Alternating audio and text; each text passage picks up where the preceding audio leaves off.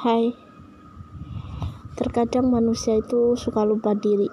Padahal tuh dia tuh tahu siapa yang menciptakan dia Siapa yang memberikan dia makan Siapa yang memberikan dia hidup Siapa yang memberikan dia oksigen gratis Siapa yang memberikan dia uh, kehidupan yang seperti ini Kebahagiaan Nikmat rezeki. Tapi namanya juga suka lupa diri. Dia jadi seenaknya sama Tuhan jadi uh, datang ke Tuhannya itu pas butuhnya doang selebihnya jarang-jarang. Selebihnya ada yang selebihnya tidak sama sekali. Dan karena Tuhan baik Tuhan masih menyebut dia sebagai hambanya bukan sebagai pendosa atau sebagai pengkhianat atau sebagai pengingkar tapi sebagai hambanya.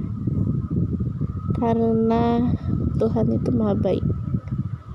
Padahal Tuhan tahu manusia itu lagi ngapain dia lagi berbuat bagaimanapun dan dia lagi bermaksiat dengan cara apa pun berzina minum kamar dan lain-lain. Maka dari itu Yuk mulai sekarang belajar bersyukur dan belajar mencintai Tuhanmu dan belajar uh, meyakini bahwa segala kenikmatan yang kau miliki sekarang kalau tidak ada Tuhanmu berarti kenikmatan itu akan hilang. Dan satu lagi belajar untuk mendekati Tuhanmu dengan cara beribadah. Jangan meninggalkan ibadah itu ibadah itu tidak mengurangi kenikmatanmu.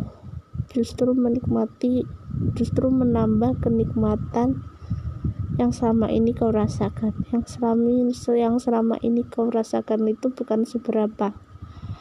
Tapi kalau kita sudah rajin ibadah dan istiqomah dalam beribadah itu karena kenikmatan-kenikmatan yang Tuhanmu berikan akan ditambah lagi seribu kali lipat jadi jangan lupa ya